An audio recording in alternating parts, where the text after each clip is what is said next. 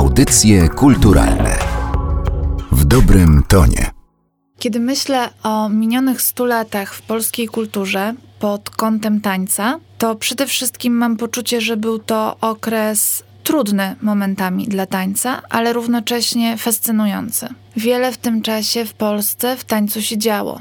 Organizowano miejskie bale, tańczono na salonach, w wiejskich chatach. To wszystko wiemy z historii. O czym mniej być może wiemy, funkcjonował w Polsce bardzo długo, bo jeszcze do lat 30. XX wieku taniec tak zwany magiczny.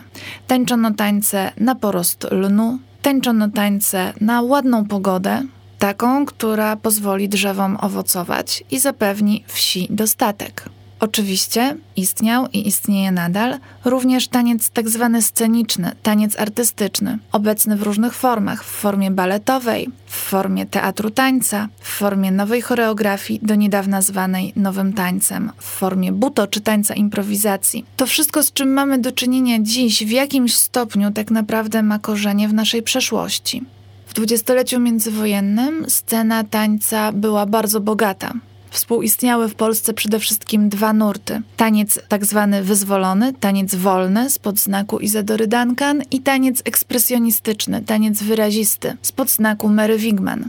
Oprócz nich oczywiście funkcjonował także balet.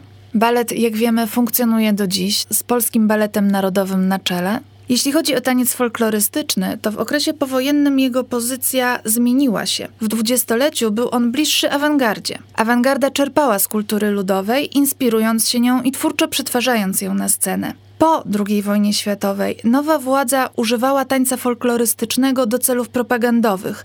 Znalazł się on więc bliżej nurtu oficjalnego. Taniec folklorystyczny funkcjonuje w Polsce do dziś. Można tu wymienić znane chyba wszystkim zespoły Śląsk i Mazowsze. Jeśli chodzi zaś o dokonania tamtego awangardowego czasu, to niestety zostały one przerwane. Po II wojnie światowej reforma szkolnictwa artystycznego sprawiła, że podstawą kształcenia tanecznego stał się balet, techniki klasyczne, a taniec wyrazisty czy taniec wyzwolony powoli odchodziły w niepamięć. Niemniej jednak natura nie znosi próżni, więc oczywiście nurty współczesne, nurty alternatywne, nurty eksperymentalne prędzej czy później musiały się odrodzić.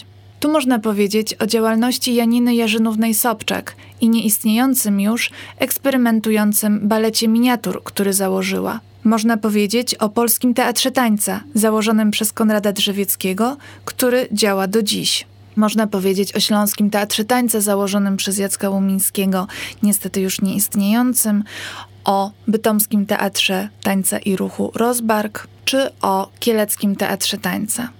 Każda z tych scen ma swój własny profil, łączy je jednak forma. Są to, zgodnie z nazwą, teatry tańca. Oprócz nich najmłodszą siostrą nurtu tanecznego jest nowa choreografia, do niedawna zwana nowym tańcem. Jest to forma funkcjonująca w Polsce od kilkunastu lat, przywieziona z zagranicy przez, można powiedzieć, trzecie pokolenie tanecznej awangardy, wykształcone za granicą, przywożące nowe idee. Jeśli mówimy o niepodległości w kontekście tańca, warto powiedzieć, że taniec jest sztuką niepodległą, sztuką autonomiczną. Nie jest czymś pomiędzy teatrem a muzyką, jak zwykło się go postrzegać. Jest niezależną, pełnoprawną dziedziną sztuki. Taniec to po prostu niepodległość. Audycje kulturalne w dobrym tonie.